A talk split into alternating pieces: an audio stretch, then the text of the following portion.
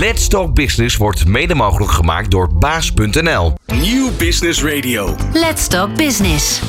Heel hartelijk welkom bij deze editie van Let's Talk Business, waar we ook weer met ondernemers in gesprek gaan over een bedrijf, hun rol in de markt en de uitdagingen en mogelijkheden die daarbij komen kijken.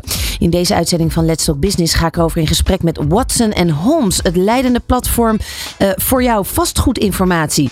Want big data is het digitale goud. Je kan zo gek niet bedenken of het wordt online opgeslagen. Denk maar aan Google en Facebook. De vastgoedwereld is daarin geen uitzondering. Van alle locaties en panden in Nederland is veel informatie online beschikbaar.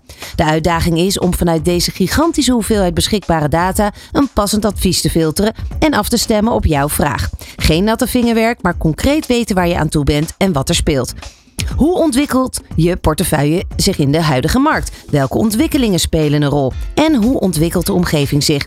Vragen waar Leon Pracht, directeur van Watson Holmes, en Ronald de Nas, directeur van Woof en Studio Nas, wel raad mee weten. Zij kunnen als geen ander de juiste vastgoedadviezen geven door grote volumes data om te zetten in informatie. Hoe ze dat doen? En waar je momenteel op moet letten, hoor je in dit uur van Let's Talk Business. Ondernemende mensen, inspirerende gesprekken, innovaties en duurzaamheid. Let's Talk Business met Fabienne de Vries. Hartelijk welkom, heren. Dank je. Dank je. Ja, zitten jullie goed voor de microfoon? Ja. Ja, Ja, de indruk heb ik wel. helemaal, helemaal comfortabel. Nou, hartstikke fijn dat jullie zijn. Leon Pracht, directeur van Watson Holmes. Nu zo'n eh, vijf jaar ruim, hè? Ja. Zit je daar alweer? Ja. Maar altijd eigenlijk eh, in die vastgoedhoek gezeten. Of makelaarskant en, en dergelijke. Ja, ik heb gestudeerd in eh, Eindhoven. En eh, toen ik daar afstudeerde, toen ben ik echt begonnen in vastgoedmanagement, in taxaties, makelaardij.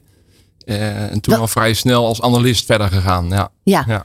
Wat, wat, wat trok je zo in, daarin aan in de eerste instantie die huizenmarkt? Nou, ik moet er heel ver terug. Tijdens mijn middelbare school, toen kreeg ik een keer een mogelijkheid om bij een makelaar op bezoek te gaan. En toen kwam ik binnen als jochie van 15 en die zat aan een mooi bureau met leren stoelen en dikke BMW op de stoep. En toen dacht ik, nou, dat wil ik ook. Dus en zo is het van het een het ander eigenlijk gekomen. Dat, dat heeft indruk goed gemaakt. gekomen. Ja. Ja. Uiteindelijk ehm, zijn de cijfers die jou echt triggerden. Hè, want die, die huizenmarkt is één. Maar de data en alle nou ja, cijfers Ja. die daarbij komen kijken. Dat triggerde je. Waar komt dat vandaan denk je? Nou, dat is eigenlijk na mijn studie ben begonnen als, analist. Eh, En ja, dan krijg je eigenlijk te maken met heel veel informatie tot je krijgen om vervolgens daar iets van te gaan vinden. En ik vond het eigenlijk een beetje dom werk, omdat ik iedere keer hetzelfde moest doen bij iedere opdracht. En die frustratie zorgde eigenlijk dat ik dacht van hey, dat, dat kan sneller. En al die Excelletjes die maar over de mail naar elkaar toegestuurd worden, ik denk dat daar moeten we wel vanaf. En eh, ik denk dat die frustratie wel breder eh, om me heen ook zichtbaar was. En toen zijn we eigenlijk gaan specialiseren van ja, als we dat nou eens automatiseren, dan kun je veel meer waarde toevoegen, omdat je dan veel meer ja, je, eigenlijk je visie en je interpretatie erop legt. En daar gaat het uiteindelijk om als, eh, als Ja. adviseur. En niet zozeer het werk wat je allemaal moet doen om je data goed op orde te krijgen. Dus die hele digitale revolutie, eh, die kwam jou hartstikke goed uit. Ja, ja, Daar ja, ging, dat was een golf waar jij lekker op meeging. ja, ja, ja, Ja. ja. En dan krijg je natuurlijk nog het derde, ehm, het derde element eigenlijk als je kijkt naar wat jij nu doet. En dat is, en daar gaan we het later in de uitzending eh, nog, nog verder over hebben. Maar dat is natuurlijk het, het analyseren ervan en, en uiteindelijk het interpreteren ervan. De menselijke kant binnen die cijfers. ja. Hoe kijk jij daar tegenaan? Ja, nou, ik krijg vaak de indruk van, ja, je hebt data, dus dan heb je alles al in huis. Eh, nou ja, data hebben is, is één. Ik vergelijk wel eens met een bak met Lego of zo. Ja, een heel grote bak met Lego, maar dan heb je nog geen mooi eh, kunstwerk. Eh, daar gaat het wel om. Je moet het sorteren, je moet er iets van gaan vinden. Je moet de juiste vorm en kleuren bij elkaar zien te vinden. En dan komt er uiteindelijk een mooi product uit. En dat, dat is ons specialisme om dat goed, eh, goed te doen. Ja, en dan heb je nog te maken met de, de gekke wendingen die er in de markt eh, van invloed zijn. Maar Ja. goed, daar gaan we het later over hebben. Ehm, Ronald de Nas, hartelijk welkom ook. Dankjewel. Jij bent eh, directeur van twee bedrijven. Het Ja. ene is Woef en het andere is Studio Nas. Wat doet Ja. Woef? Eh Woef eh, Met verzorgt... drie O's, hè? Ja, met drie O's. Heel duidelijk inderdaad. Nee, wij verzorgen eh, de verhuur van grootschalige nieuwbouwprojecten. En dat doen we met name in opdracht van institutionele partijen. Dat kunnen pensioenfondsen zijn, maar het kunnen ook professionele beleggers zijn. Die eh, eh, ja, het vermogen van hun leden als het ware belegd hebben in grote woningbouwprojecten. Ja, en, en die adviseer jij? Ja, ja het is eh, de aansluiting die ik eh, vanuit eh, met Studio NAS maak op de data van Leon. En Woof, die eigenlijk de schakel is naar de markt toe. Ja, ja want heel even, wat, wat, ja. doet, wat doet Studio Nas dan precies? Nou, Studio NAS is eigenlijk de adviestak. Oh ja. Dus ehm, ehm, je, je hebt aan de ene kant eh Woof, waarbij we eigenlijk met de voeten in de klei en met de hand richting de huurder staan. Dus heel veel ontmoetingen hebben op locaties en heel goed de vraag kennen tussen het aanbod wat gecreëerd wordt en datgene wat er vanuit de markt eh, gevraagd wordt. Eh, en op het moment dat Leon eh, data produceert, heel vaak in de vorm van een dashboard. Waarop staat van nou deze locatie heeft die en die kenmerken. En met kenmerken bedoel ik van de demografie ziet er zo uit. dus deze transacties vinden er plaats op, dit, op deze plek en noem het allemaal op. Ja, dan krijg je het momentum dat je wil weten, ja, maar wat betekent dat dan voor de ideeën die een belegger heeft om daar een gebouw te bouwen? Waarom heb je dat als ondernemer gescheiden in twee bedrijven? Nou ja, omdat het ook ehm, traditioneel werd er vroeger eh, altijd gezegd van oké, ehm, dat advies, dat doen we gratis als je ook bij ons eh, de verhuur onderbrengt. En wij vonden eigenlijk dat advies van zo'n grote waarde, dat we zeiden ja, misschien kunnen we dat ook wel vermarkten op het moment dat er geen verhuuropdracht aan zit. En eh, nou, dat bleek best een schot in de roos. Want heel veel beleggers die zeiden van ja, wij willen wel met je praten over hoe eh, de waarde zich kan ontwikkelen van een bepaalde locatie. Wat moeten we op die locatie nou echt gaan realiseren? Wat moeten we op die locatie echt gaan realiseren? Ehm, zonder dat ze al een doorkijk konden of wilden maken naar de verhuur. Ja. Eh, dat is het nadeel van het vastgoed. De data die Leon kan leveren over een bepaalde locatie. Ehm, ja, die kan pas geëffectueerd worden in de praktijk. Misschien wel drie of vier jaar later. Want dan komen die stenen de grond uit. Dan wordt er een woning opgeleverd als het ware. Ja. Dus de aanlooptijd naar een product is best heel lang.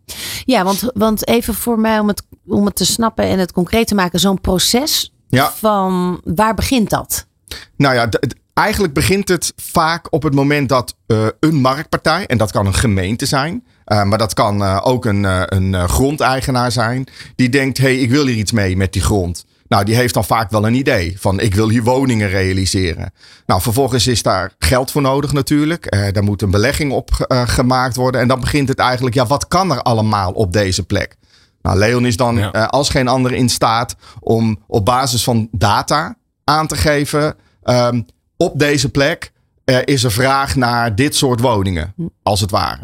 Ehm, en ja, misschien moet je hem even aanvullen, Leon, ehm, met, met welke inzichten we dan eh, eh, creëren. Want om iets van een locatie te vinden, moet je eerst eh, die locatie volledig in kaart hebben. Ja. En dat is eigenlijk wat eh, Watson Holmes vooral eh, doet. Ja, Ja. je krijgt dan de vraag van wat is de, de, de ideale woning? Waar is de meeste vraag naar? Dat is, dat is vaak een vraag die we dan, die we dan krijgen. Eh, en dat doen we samen met Ron, want er zijn gewoon kaders binnen zo'n locatie waar, waarbinnen zo'n advies moet vallen. Ja, want wat bepaalt dan, eh, wat, wat zijn de elementen die de ideale woning bepalen? Ja, we hebben eh, een dataset over alle huishoudens in Nederland. Eh, en die hebben we helemaal gecategoriseerd. We hebben allemaal kenmerken als leeftijd, inkomen en dat soort zaken. Maar we hebben ook nog de woonoplossing die ze op dat moment eh, zoeken. Eh, of tenminste waar ze op dit moment in wonen. Want zoeken is altijd, ja, als iemand vraagt van hoe zou je willen wonen. Ja, dan krijg je een andere oplossing als dat het feitelijk is. Eh, want dat heeft gewoon te maken met budget en met eh, je levensfase waar je in zit. Dus we kijken heel erg naar de huidige situatie. Die koppelen we aan al die kenmerken. En dan vervolgens leggen we dat op een stad als Lelystad. En dan zie je daar een heel profiel ontstaan van, van inwoners. Waarvan je gewoon kan tellen van ja, hoeveel mensen wonen nou in een appartement van deze categorie eh, Ja. kenmerken. Ja. Zijn er, zijn er eh, regels in per stad? Eh, eh, hoeveel seniorenwoningen het moeten zijn? Hoeveel starters? Hoeveel appartementen versus eh, vrije kavels? Ja, dat is ook in? precies wat de uitdaging is. Want eh, de data die we genereren eh, eh, geeft een bepaald eh, ideaalmodel van de vraag. Maar vervolgens gaat de gemeente kaders geven waarbinnen die vraag ingevuld moet worden. En dat is dan precies eh, het, het, ehm, de schakel die we dan met Studio NAS brengen. Want wij kennen vanuit Woof, zeg maar, ehm, de, de vraag van de huurders.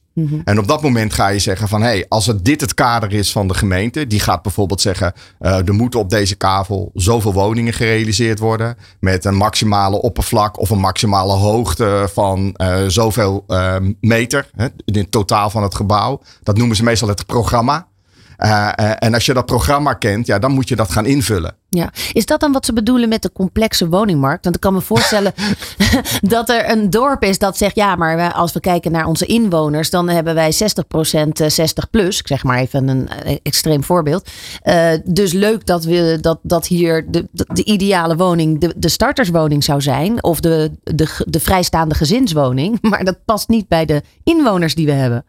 Ja, je neemt ook de huidige eh, situatie mee in je advies. Hè? Kijk, als je naar een dorp kijkt, dan zijn gewoon beperkte voorzieningen aanwezig. Die een bepaalde groep trekt die in een levensfase zit. En wat bedoel je met beperkte voorzieningen?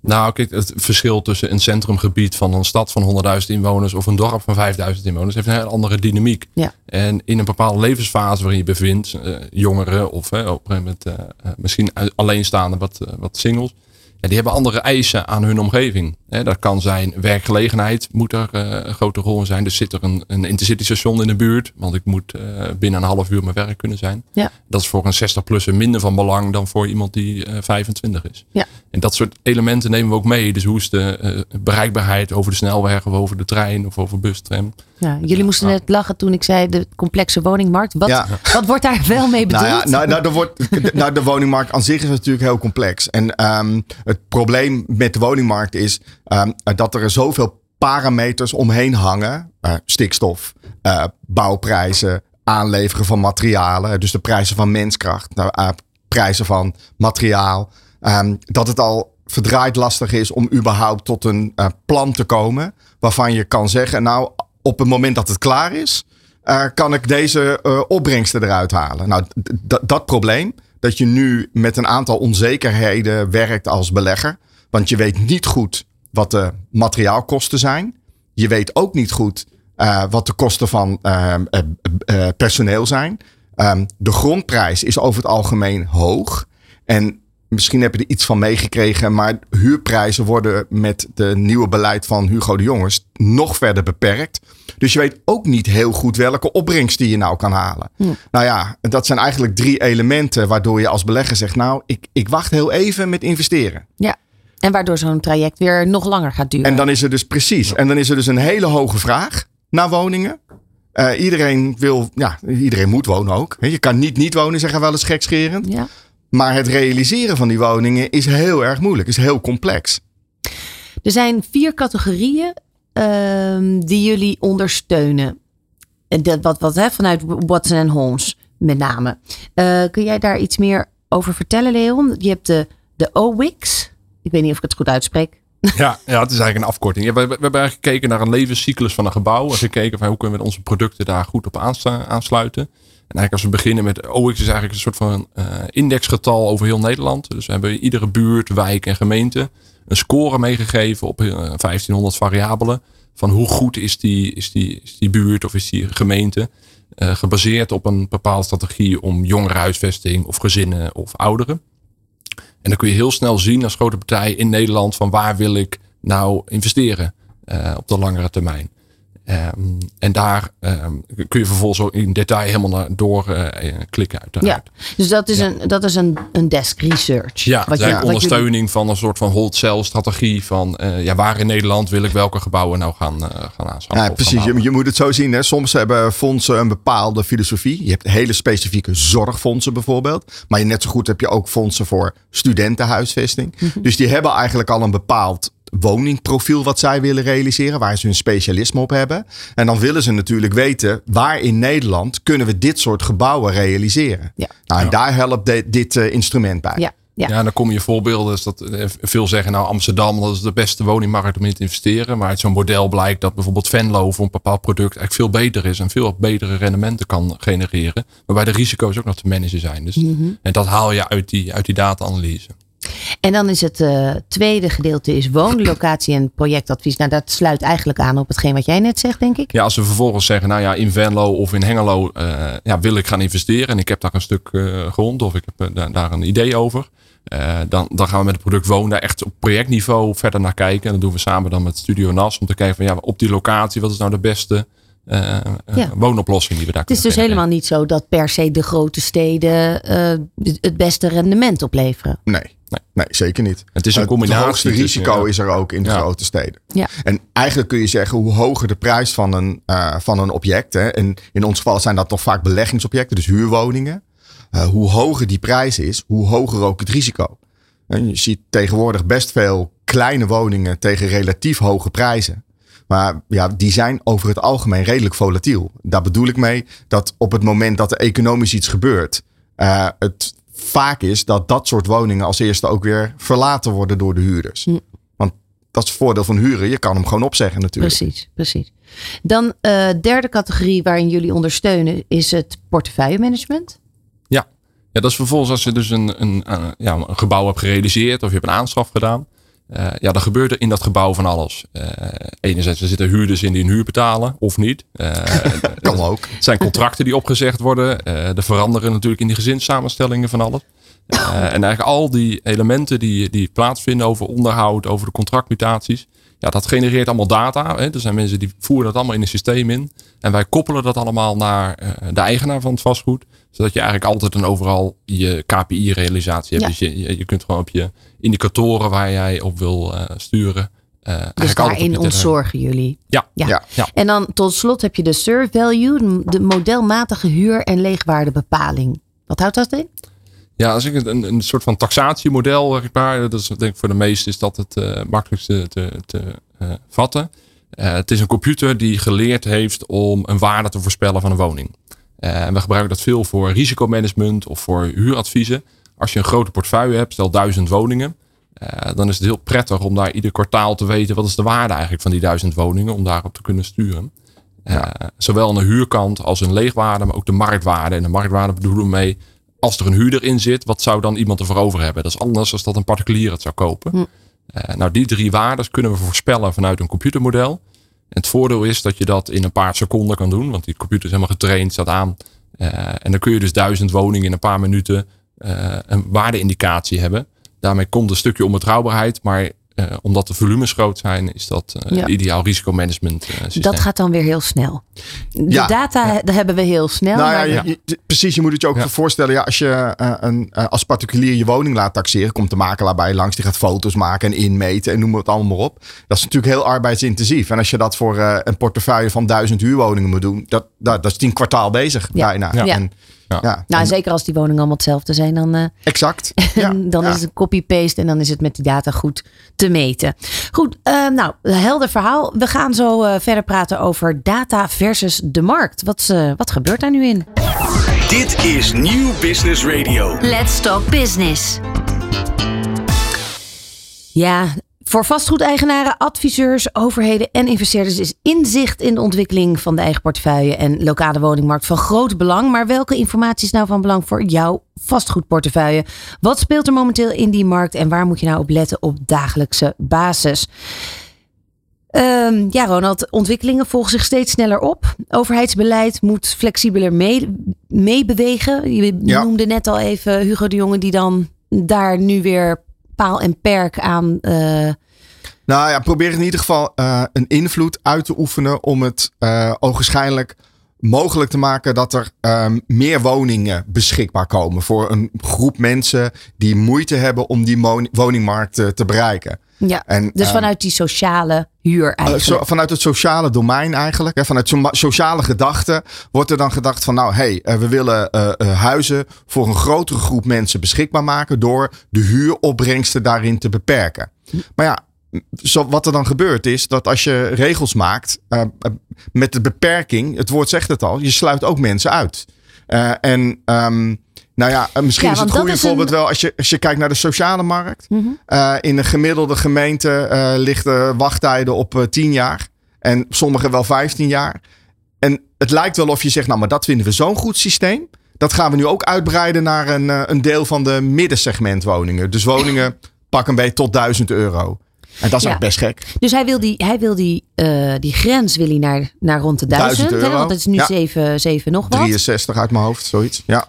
Dus dat omhoog. Daardoor komen er meer woningen beschikbaar voor die sociale huur. ja, maar die woningen zijn er niet. Hè? Dus er komen nu niet opeens meer woningen. Precies. Het het zijn gewoon dezelfde woningen die eh, tot voor kort dan misschien hoger geprijsd waren. Die nu wat lager geprijsd worden, maar er komen niet meer woningen. maar met hoger geprijsd bedoel je in de vrije sector? In de vrije 12 sector, ja. 1200 en die worden dan nu Kan, ja. eh, op puntensysteem wordt dat dan eh, een 1000 Duizend, euro eh, ja. huis. Eh, waardoor het misschien wel iets bereikbaarder voor de consument wordt, voor de huurder, maar voor de belegger weer minder interessant. Exact. En dat zorgt er natuurlijk ook weer voor, eh, Leon, dat, dat, dat die projecten, nou ja, en, eh, hè, dat, dat, dat ze daar dus minder snel in willen investeren. Want Ja. wat levert het nou eigenlijk op? Ja, nou, uiteindelijk gaat het om rendement. Hè? Dus ehm, weet je, aan het eind van de schaal zijn er natuurlijk de mensen die pensioen genieten. Die verwachten dat hun pensioen meegaat met de ontwikkeling, met de inflatie enzovoort. Ja, en dat gebeurt door huurprijzen eh, eh, Ja. op een bepaald niveau te krijgen. Dus ja, het is een beetje kip-ei dan Ja. soms. Ja. Ehm, ja, want ze klagen over de hoge huur, maar ze willen wel graag een, Een pensioen, een ja, pensioen. ja, ja. En, en dan klinkt dat een beetje. Nou, nou, nou voelt het bij mij alsof het heel negatief klinkt van eh, dat er de, de cowboys daarop regelen. Maar dat is niet zo. Het zijn eh, over het algemeen eh, hele respectabele pensioenfondsen die proberen zo goed mogelijk dat rendement te borgen. En ja, die marges zijn gewoon heel klein Ja. in, die, in die opbrengsten van, die, van de huurwoningen. Ehm, maar wat, wat je. ehm, eh, wat je ziet is die in die puntenstelling, punten, eh, eh, die, die moog, die, die, noem je dat nou?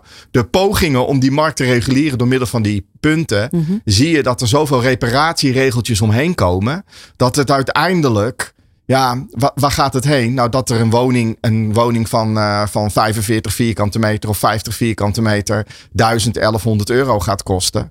Ja, dat, is natuurlijk nog steeds best wel veel geld, Ja. zeg maar, voor een relatief kleine woning. Ja. Ehm, ja, woningen staan er soms zo'n 50 plus jaren bij. Is dat handig? Kunnen we niet naar een andere oplossing kijken? Hoe, hoe moet er mee bewogen worden, Leon? Ja, dat is een moeilijke fase, vind ik nu. Want eh, als je kijkt naar die markt, zeggen we eh, ja, vraag en aanbod. Hè, daar, gaan- daar, daar, daar hebben we het constant over. Eh, de, de- ja, de vraagkant, daar kun je eigenlijk weinig aan, aan veranderen. Eh, nou, dan zeggen we het aanbod moet dan verruimen, dus we gaan bouwen. Ehm, maar goed, ja, je kunt niet zomaar bouwen. Er is maar beperkte grond eh, beschikbaar. Eh, nou, wat we eerder al zeiden, de prijzen zijn, zijn te hoog.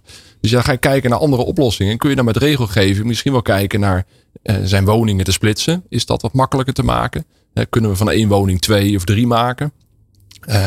Kunnen we misschien woningen die nu niet geschikt zijn voor permanente bewoning, permanente bewoning eh, daar toelaten? Zodat je op korte termijn eh, wel meer woningen toevoegt aan je voorraad en daardoor. eh, ja, Ja. Ja, wat is dat nou ook gewoon een rare regel? Dat niet permanente woningen, dat dat, dat, dat dus niet... Dat is toch al een hele goede oplossing? Ja, nou ja, dat, zo. ik, ik heb wel eens ook met wat mm, eh, experts daarover gesproken. Zeggen van ja, het is inderdaad een, ehm, op papier een hele slimme, leuke oplossing. Maar het is ehm, een re- regeling die echt vanuit ehm, ja, burgerlijk wetboek en dergelijke ingekaderd is. En dat zijn n- geen zaken die je heel makkelijk kan veranderen. Maar het zou wel heel fijn zijn. Ja. Want ehm, het probleem van de woningbouw is er nu. Ehm, de eerste oplossingen, ehm, stel dat de plannen allemaal doorgaan, zijn er in 2030 eh 8 of 900.000 woningen bijgebouwd. Nou, ik heb nog geen eh, specialist of professional gehoord die dat realistisch vindt. Hm. Ja, behalve eh, onze politiek. Die, die praat alsof het allemaal morgen geregeld is. Nou, dat is niet zo, kan ik je vertellen. Ehm, maar als jij morgen woonruimte nodig hebt, dan zou je natuurlijk prima kunnen zeggen: hey, we hebben hier een heel vakantiedorp eh Precies. leeg staan. Of op een andere wijze woonruimte die er wel is, alleen niet als zodanig gebruikt mag worden. Ja.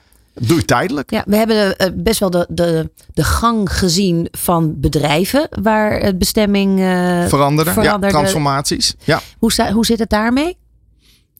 Ja, daar zie je met name wel een uitdaging, denk ik. Dat is niet helemaal ons specialisme, maar om eh, veiligheid en brand en dat soort zaken van een kantoor Ja. naar een woonruimte hebben we gewoon hele andere eisen. Dus dat is. En isolatie. Ja, en het, dat het is dingen. vaak en de in de praktijk toch, Ja. als je. ehm, de- eigenlijk zie je, er zijn twee soorten. Dat zijn zeg maar de. ehm, eh, de transformaties waarbij het gebouw eh, in zijn kern blijft bestaan. eh, maar er eh, aan de binnenkant elementen worden veranderd. Maar dan zie je toch vaak dat dat niet leidt tot een hele hoog, hoogwaardige woonoplossing. Hm. Dat zijn dan toch vaker studentenachtige oplossingen. Ja. Uitstekend overigens, hè, want er is een grote vraag naar. Dus dat zijn gebouwen die dan hun karakter behouden. Ja.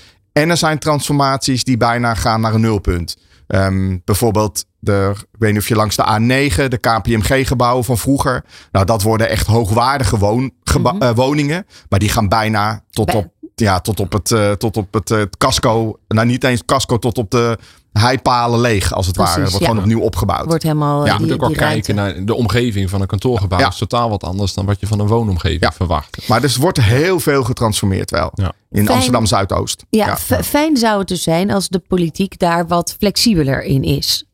Sneller, denk ik. Sneller. Ja. Sneller. Ja. Ehm, is, dat, is dat realistisch? En, en, en wat zou dat opleveren? Woonruimte.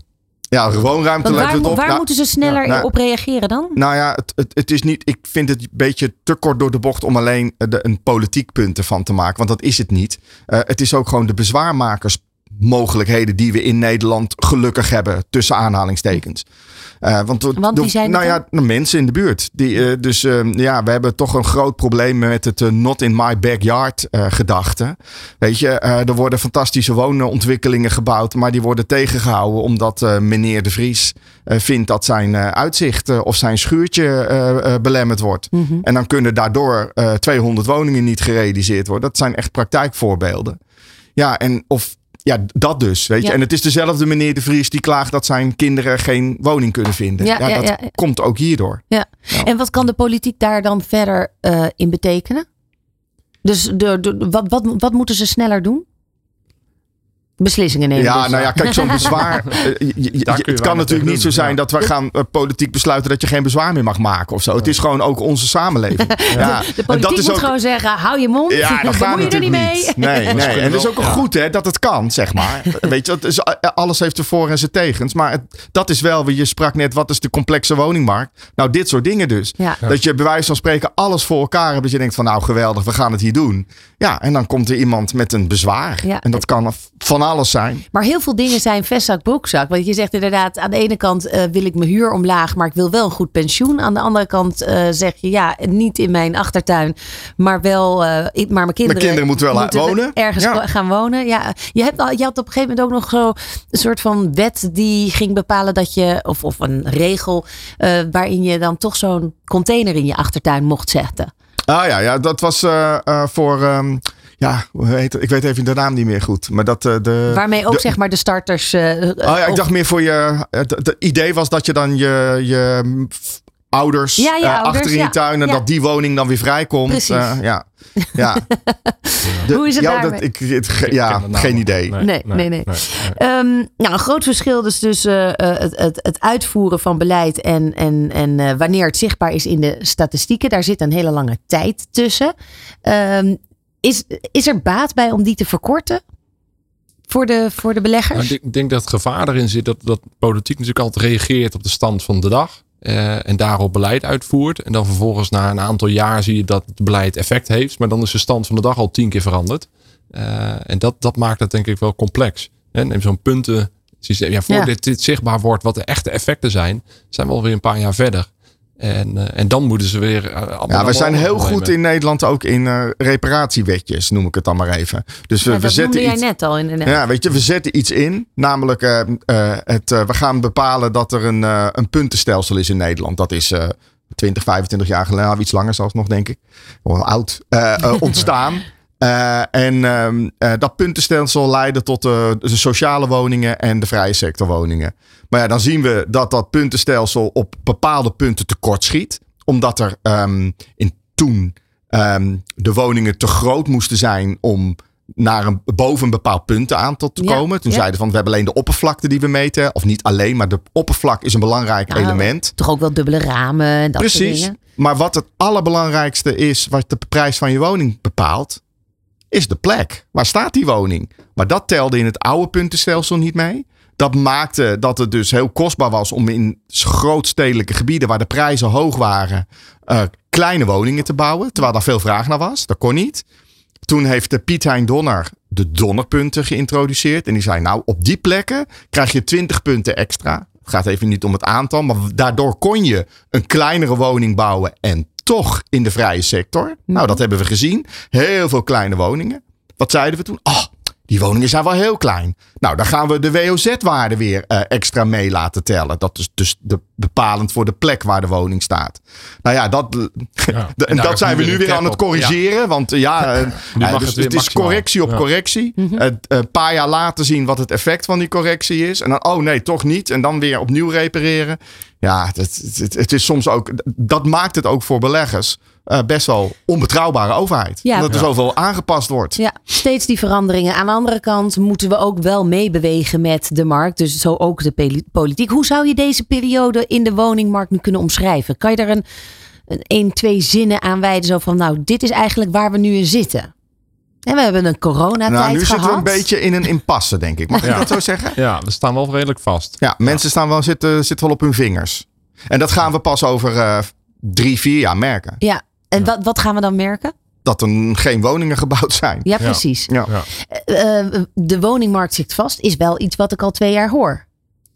Ja, maar de berichten moet je wel splitsen, denk ik, tussen de huurmarkt en, En de beleggersmarkt ja, ja, en de koopmarkt, wat de particulieren nu doen. Daar zie je natuurlijk met de rentestand. We en zagen het al bij de kopersmarkt. Ja. En dat is dus nu bij de huurdersmarkt ook aan de hand. Nou, je ziet daar een stukje onzekerheid eh, over zoveel variabelen dat eigenlijk geen project meer rondgerekend kan worden. Hm. Plus wat je hoort is dat er ook eh, veel bouwende ondernemingen geen prijzen meer afgeven om volgend jaar iets te gaan bouwen. Omdat het ook nog eens onzeker is wanneer je al je spullen krijgt. Ook. Exact. Ook. Ja. Ja. En exact dat, dat. dat zorgt extra voor ja, dat, dat als er geen nieuwbouw meer plaatsvindt, dan Nee. eh, ja, nou, nou, nou, Het is dus onzeker. Het voelt allemaal diffuus en, en onduidelijk op dit moment. Waardoor je maar beter niet Ja, en, en, en voor de koopmarkt is natuurlijk nog een extra factor, ook voor de huur trouwens, de rentestand. Ja. Want ja, de, de, de bestedingscapaciteit van een, eh, van een consument gaat achteruit.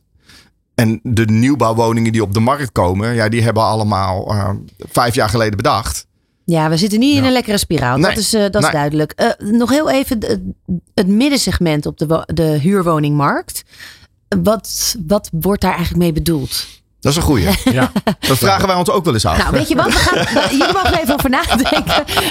Let's Talk Business op Nieuw Business Radio. Het middensegment.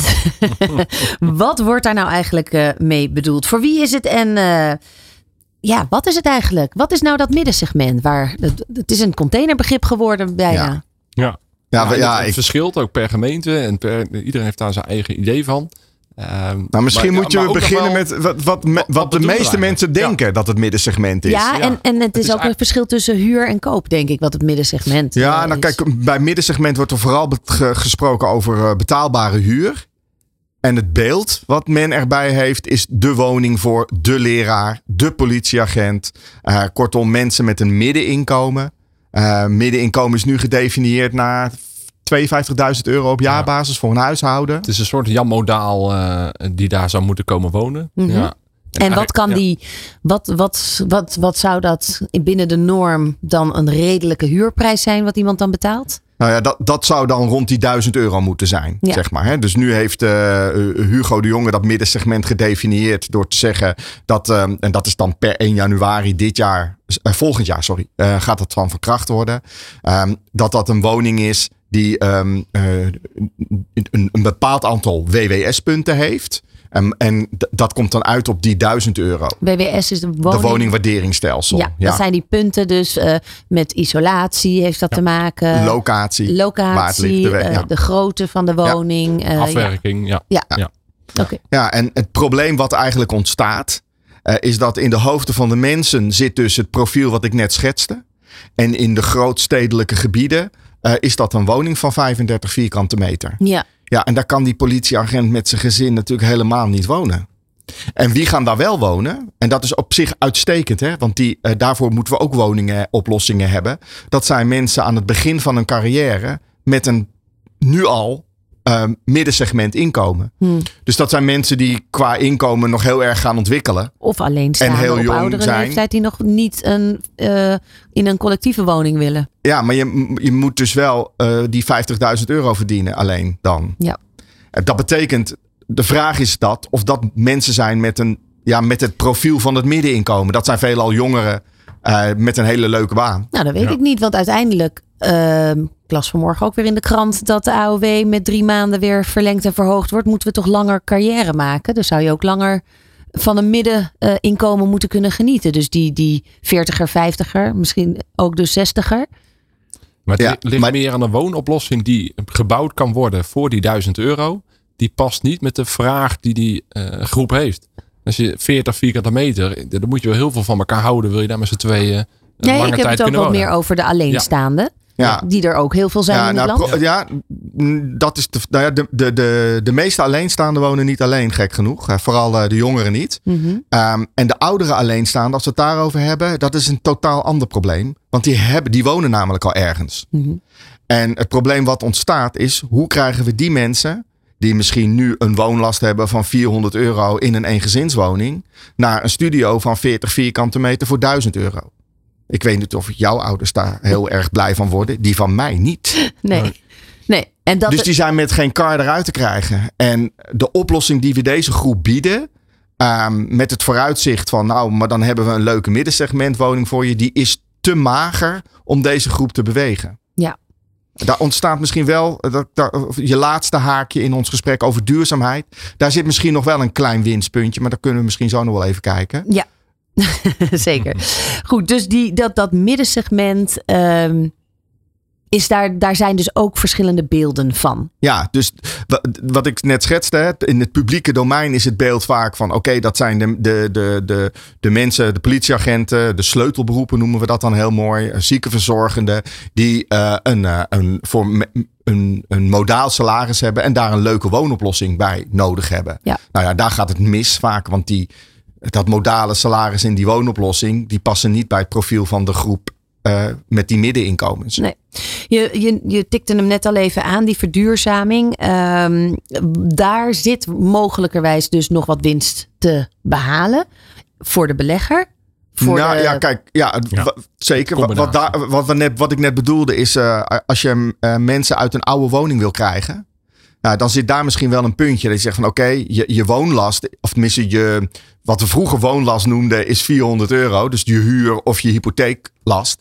Maar er komt ook nog eh, 600 bij. euro energie bij. Omdat je een oud, wo- oude woning hebt die niet duurzaam is, enzovoort, enzovoort. En dan is er wel denk ik een haakje te maken naar een duurzame nieuwbouw appartement. Waar die, woon, die, die energielast veel en veel, veel lager ligt. Ja, dus waarbij je misschien dan wel ook in meters misschien wat achteruit gaat, maar je kosten, je maandelijkse kosten ook omlaag gaan. Precies, en dat is de belangrijkste motivator. Dat mensen zeggen, hey, ik ga er in woonoplossing iets op vooruit. Mijn kosten mogen dan ook wel ietsje stijgen of neutraal blijven. Maar ja, je wil niet in woonoplossing achteruit en meer gaan betalen. Nee. Dat is niet wat je wil. Leon, jullie hebben vanuit jullie ook onderzoeksbureau, wat je natuurlijk ook zijn, een eh, persbericht eruit gegooid. Dat uit onderzoek blijkt dat investering in verduurzaming sterk toeneemt. Ehm, en dat de aanleiding is dat huizenkopers azen op woningen met lage energierekeningen. Lijkt mij allemaal heel logisch. Maar waarom was dit nieuwswaardig? Of wilden jullie dit melden? Nou, het onderzoek was wat breder dan alleen dat. We hebben meerdere berichten uit. Eigenlijk ging het me erom van eh, veel investeringen die we zien in de huurwoningen. Wordt vaak een investering in een woning terugverdiend door een hogere huur. Ja. Eh, zo was eigenlijk de rekensom snel gemaakt. Eh, en dan zeiden we tegen de huurder, ja, je gaat wel 100 euro huur meer betalen, maar je maandlasten gaan naar beneden, dus dat is neutraal. Dat kan je echt wegstrepen. Ja. Ja, nou, die druk op die huurprijzen is enorm aan het worden. Dus we dachten van ja, we moeten daar ook onderzoek naar doen. Want wat zijn nou meer effecten die je kan meegeven in zo'n investering in duurzaamheid? En we dachten enerzijds, ja, de waarde van het onderliggende vastgoed, dat neemt toe. Nou, dat zie je ook in de markt. Hè. De- zeker op de particuliere markt is dat een heel hot, hot item. Maar ook eh, in, de, in de beleggersmarkt. Ja, een, een, een gebouw met een hoog energielabel is rendabeler. Ehm, en daarbij is het, je onderhoudskosten van zo'n gebouw gaan achteruit. Eh, dus eh, als je, is aan alle kanten een voordeel. ja. Ja. En eh, zo probeerden we eigenlijk de investering, als je dat uitrekent voor, nou ik investeer een ton, eh, welk rendement wil ik over tien jaar terug, dat dat enerzijds in een hogere huurinkomsten kan eh, komen, maar ook door een lagere kosten of door een waarde van het vastgoed wat omhoog gaat. En wat is dan het effect uiteindelijk op de markt? Nou ja, wat je, wat je vooral ziet is dat bij koop natuurlijk eh, mensen heel erg die energielast meerekenen. Tot drie jaar geleden maakte niemand zich daar zorgen over. Eh, en dat is denk ik wel een heel belangrijk e- effect. Eh, in, in, de huurmarkt zien we wel dat het meeweegt in de keuze die iemand kan maken. Het probleem een beetje bij de huurmarkt is dat het natuurlijk de vraag veel hoger is dan het aanbod. Mhm. Dus ja, je, je, je, je kan wel zeggen als woningzoeker, ik zet het als prioriteit 1 op mijn lijst. Maar ja, dan heb je waarschijnlijk heel, dan Ja. duurt het heel lang voordat je een woning hebt, zeg Ja. maar. Het is toch eigenlijk best bizar dat nu, nu ehm, het pijn doet in onze portemonnee. We eigenlijk pas over energielabels van huizen Exact. nadenken. We doen het wel al een tijdje bij wasmachines en koelkasten. Ehm, Ja. Dat is de mens dus. Ja, het, st- het stond er altijd al bij, hè? keurig netjes. Want Ja. dit is een label F, eh, G, eh, B, A enzovoort. Maar het had geen effect op de waarde. En dat is wat we nu wel heel erg zien, toch, Leon? Er moet een financiële prikkel zijn om dit te doen. Dat zag je sowieso in de, in de beleggers al van ja, we we doen het niet meer uit een maatschappelijk of sociaal gevoel. Maar ja, de, euro's moeten gewoon tellen. Ja, precies. Ja. Totdat het in je eigen portemonnee pijn doet. En dan, Ja. eh, dan gaan we er wel naar kijken. Maar je ziet ook wel dat het duurzamer wordt, omdat oud vastgoed wordt vaak verkocht. Dus eh, zodra dat eh 30, 40 jaar oud wordt, dan ja, komen de onderhoud. Dat zie je ook al met een auto op een Ja, gegeven moment. ja, ja. Een auto wordt te, te, te, oud, dan, dan doe je die Willen ook liever van de hand. Ja. En dat zie je in het vastgoed ook bij beleggersportefeuilles, waardoor Maar, dus nieuwbouw wordt toegevoegd. maar zie je dan nu dat eigenlijk ehm, beleggers er meer baat bij hebben door juist in die woningen gewoon in duurzaamheid te gaan zitten en dus te verduurzamen door middel van de warmtepompen en de isolaties en eh, zonnepanelen, et cetera. Dan dat ze het verkopen en dan weer op zoek moeten naar nieuwbouwprojecten. Dat zie je. Ja, Ja. Maar zeker. Ook, ook het verkoopproces levert gewoon minder op in, eh, in, die, in die staat. Ja. Dus, eh, Je krijgt nu zit- minder ja. voor je oude auto, bij wijze van spreken, ja. dan zoveel jaar geleden. Dat geldt en, ook voor en is, is het dus slimmer om er een accu in te bouwen? En even Ja. heel simpel gezegd, als je het vergelijkt met de auto wil maken. En dat zien we heel erg. Ja. En vooral eh, de Nederlandse institutionele fondsen, die zijn heel erg gericht op dat duurzaamheidsprincipe. En zij eh, over het algemeen investeren ze veel meer in een bestaande bezit om dat te verduurzamen dan dat ze ehm, eh, het verkopen. Ja, en En- je zegt in Nederland ten Ja. aanzien van Europa of wereldwijd. Nou, meer de Nederlandse fondsen. Dus je hebt, de, Ah, je ja. hebt natuurlijk ook buitenlandse fondsen die Ja. vanuit het buitenland geïnvesteerd hebben in Nederland. Ja, die zie je wat makkelijker afscheid nemen. Hmm. Die denken dan van nou, cijfermatig, eh, rechtsonder in de Excel. Het zal wel. Ik vind het iets te spannend, eh, weg ermee. Ja. En dat, is, dat zie je bij Nederlandse fondsen veel en veel minder. Die zeggen nou, dat doen we lekker niet. We, hebben, ja, we vinden het belangrijk voor onze pensioen, eh, Ja. voor, voor onze positie in de markt. Dus we gaan die verduurzaming ja, opzoeken. die voelen iets meer verantwoordelijkheid voor de, Absoluut. de BV Ja. Nederland. Ja, absoluut. Ehm, nou ja, we hadden het al even over de prikkel van de mens. Als we even teruggaan naar eh, Watson Holmes. We hebben heel veel data, althans jullie genereren heel veel data. Ehm, maar uiteindelijk heb je toch altijd nog de mens nodig voor de interpretatie. Ja. Hoe, eh, hoe staat dat bij jullie in het vaandel? Ja, daar zoeken we heel veel samenwerkingen met partijen. Omdat wij dat gewoon niet kunnen. We krijgen wel eens een vraag, "Hey, wat vind je ervan? Ja, dat, dat- wij zijn heel goed in statistiek en wiskunde. En in de IT. Maar ja, als je ons vraagt, wat vind je eigenlijk van die woning? Ja, ik heb zelf dan nog wel een vastgoedachtergrond. Maar binnen mijn team is dat heel beperkt eigenlijk aanwezig. Eh, dus dan zoeken we heel erg de samenwerking met bijvoorbeeld een Ronald Tenas of met een taxateur die zegt, ja, model zegt X, maar ja, eh, eh, uiteindelijk moet er een handtekening onder komen om 100% betrouwbaarheid te krijgen. Eh, en ook om een gesprek te hebben over je eh, standpunten die je neemt of je advies die je geeft. Ja. Je kan moeilijk zeggen tegen die computer, ja, eh, eh, jij zei dat, maar dat is niet waar of zo. Hè? Dat, is, dat is bij mensen Nou, is dat wat makkelijker. Waar, waar schuilt het gevaar in interpretatie? Eh, ja, het gevaar in interpretatie, interpretatie is vooral eh, het, het, ehm, de connectie met de markt. Dus eh, heel vaak wordt de data geïnterpreteerd door, ehm, ja, laat ik het zo zeggen, je hebt de, de, de voeten in de klei nodig eigenlijk om die data goed te interpreteren naar een eh, oplossing in de markt. Kun je daar een voorbeeld van geven?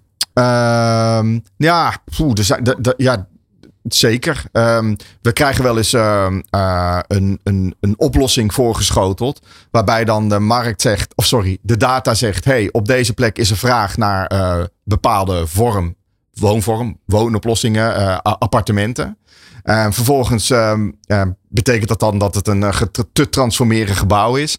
En dan zie je dat een, een belegger of een ontwikkelaar daarbij een bepaalde huurprijsverwachting heeft. Die zegt, nou, we kunnen dit allemaal transformeren. En ik, ik, ik geef even een schot voor de boeg. En dan kunnen we op deze plek aan het randje van een industriegebied eh, makkelijk eh, eh, 80 appartementen maken. 50 vierkante meter. Nou, 12, 1300 euro per maand. Geen probleem. Nou ja, en dat kan uit data allemaal blijken. Want verderop wordt er ook 1200 euro betaald. En daar wordt ook zus. Maar ja, dan komt de markt die zegt van hé, hey, maar als ik dit ga aanbieden aan de doelgroep die ik elke maand spreek of elke week spreek, ehm, dan zie ik dat helemaal niet. Die, Die gaan geen een 1200 euro voor een industrie of 50 euro. Dat gaat helemaal niet werken. Hm. Nou, en dan heb je af en toe een stevig gesprek. Eh, maar dat is best wel heel erg interessant eigenlijk. Ja. Dus dan zegt de data van nou, dit zou moeten kunnen. Ehm, de, meestal de ontwikkelaar eh, kan dat ook vinden. Eh, maar de belegger die mij inschakelt van joh, wat vind jij ervan als we deze punten met elkaar vergelijken? Ja, dan krijgen we de eh, informatie uit de markt die Ja. misschien toch iets anders is. Ja, er wordt gezegd, waarde is geen wetenschap, maar een interpretatie. En over Ja. de interpretatie kan je natuurlijk in gesprek gaan met argumenten. Evenals kwaliteit een interpretatie is eh, vanuit ervaring en kennis. Ja, En Daarbij Wat bedoelen we ook wel van ja, als je een project ergens op een locatie hebt, dan kun je in de buurt en dan kun je een paar straten verder, kun je referenties. Hè, daar is iets verkocht of verhuurd. Dus dan zal deze woning ook wel die waarde hebben. Eh, maar de exacte referentie heb je nooit. Dat moet je altijd afwegen. Van ja, het staat op een betere plek. Of het zit dichter bij een eh, supermarkt. Of ander moment in tijd. ja, ander moment in tijd. Hoe ga je nou een transactie van een half jaar geleden naar vandaag rekenen? Eh, dat kun je allemaal computer, door een computer laten doen. Maar daar zit een onbetrouwbaarheid in. En daar heb je dus toch die mens voor ja, Dat maakt jouw werk zo leuk, Ronald. Nou ja, zeker. Want eh, ja, weet je, vaak is het zo dat als ik dan kijk naar eh, onze activiteiten in Woef. eh, het is soms eh, tot op de maand voor de start van de verhuur dat we nog zitten te fine-tunen op die prijzen. ja, En dan heb je een gebouw met eh 200 appartementen. Ja, en dan ga je toch kijken van, ah, maar deze ligt net even iets leuker. Of deze heeft een grotere woonkamer. Of een andere vorm van slaapkamer, weet ik het. Eh, ja, en dan zegt er, de, de data zegt, nou ergens moet er uitkomen ik, 18 euro per vierkante meter. Maar hoe je dat verdeelt over dat complex. Waar je de winstpuntjes en de minpuntjes eh camoufleert misschien. Eh, ja, dat, dat, is, dat is waar we dan mee bezig zijn. Dat is wel heel erg leuk. ja. Wat, hebben jullie wel eens discussie over data die bij Watson en Holmes Alleen maar. vandaan komen? En wat jij daar dan van vindt vanuit de klei? Vanuit de klei. Nou, we gebruiken Ronald's interpretaties vaak om onze modellen beter te trainen. Dat doen we ook met taxateurs en dergelijke. We krijgen heel veel feedback die ons steeds beter in staat stelt om de informatie beter aan te leveren. Ja, en uiteindelijk laten we het aan Ronald van wat vind je daar dan van? Ja, we hebben er niet echt een mening over. Ja, en kijk, Alleen als hij er heel veel van af gaat wijken, dan eh, ja, vinden wij niet zo leuk. Nee, precies. ik heb nog, eh, ik heb, we hebben altijd een eh, soort eh, ondernemersvraag eh, die we er nog even zo af en toe eens ingooien. En eh, nou, eh, noem eens een eh, getal onder de tien. Zeven. Leon begint? Heel goed, zeven. Van welk zakelijk dilemma heb je ooit wakker gelegen? Ik ben blij dat jij me hebt. Ja, die was eigenlijk voor jou. Nou, een moeilijke vraag. Nou, ik heb wel eens wakker gelegen wat ik eh, eh, moeite had. Is op een gegeven moment dan ben ik een, eh, een bedrijf, heb je een goed idee en dan ben je nog alleen. En op een gegeven moment ontstond er een team en dan ging ik mensen aannemen en dan moest ik dat team aansturen. En eigenlijk de persoonlijke vlak met mensen eh, die goed of slecht functioneren, wat er van allemaal gebeurde, dat heeft me wel vaak wakker gehouden, s'nachts. Niet zeggen dat ik de hele nacht wakker lag, maar wel dat ik me veel bezig hield, omdat dat enorm effect heeft op mensen persoonlijke situatie. ja, Zakelijk zelf ben ik daar wel vrij hard in, kan ik het goed loslaten. Dat, Ja. eh, ja, maar dan, wil je, dan ben je bang om iemand eh, nou, je moet soms keuzes maken, ga je een proeftijd verlengen van iemand. En dat Ja. betekent wel dat hij een dag later geen inkomen meer heeft. En dat, dat, dat raakt me wel. In Nederland. Nee, ik wou net zeggen, daar gaat wel wat meer tijd overheen. Ja, precies, precies. Mooi, oké. Ehm, nou, dan heb ik nog een andere voor jou. Even kijken hoor, of, deze, of die nu goed aangaat. Voor welk vraagstuk zou jij de oplossing willen bedenken? Ja, dan is een open deur dan. De- voor de woningmarkt. Hè, voor de, dan laat ik het dan iets specificeren. Voor de huurmarkt. Ja, ja. En, en, en wat dan specifiek? Nou ja, gewoon eh, hoe we het voor elkaar gaan krijgen. Dat het voor beleggers interessant wordt om te investeren in, in woonoplossingen die voor een grote groep bereikbaar zijn. En dat is wat je nu niet hebt eigenlijk. Hè? Nee. Dus je, de, je, hebt eigenlijk de corporaties die aan de onderkant van de markt eh, zitten. En daar heel erg in gesupport worden om het mogelijk te maken om wo- betaalbare woonoplossingen te maken. Dat zijn er natuurlijk heel weinig eigenlijk. Veel minder dan dat de vraag is.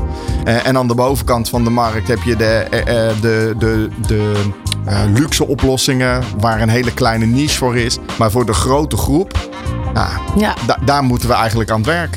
Wat, dat is een duidelijke boodschap. Wat is de belangrijkste, het belangrijkste tip eigenlijk die jij momenteel geeft aan, ehm, nou ja, aan, jou, aan de beleggers die jij spreekt? Ja, ja dat is een, echt een hele. Je zei net dat is heel complex. Dus uh, als een belegger nu uh, moet beginnen, dan uh, zeg je misschien wel eens van joh, wacht heel even tot de parameters in de markt iets stabieler zijn voordat je gaat investeren. Ja, want ze zeggen altijd die wie in stenen investeert, die blijft. Hè? Ja. Is, geldt dat nog? Ja, zeker. Alleen um, je moet wel een lange adem hebben, zoals dat zo mooi heet.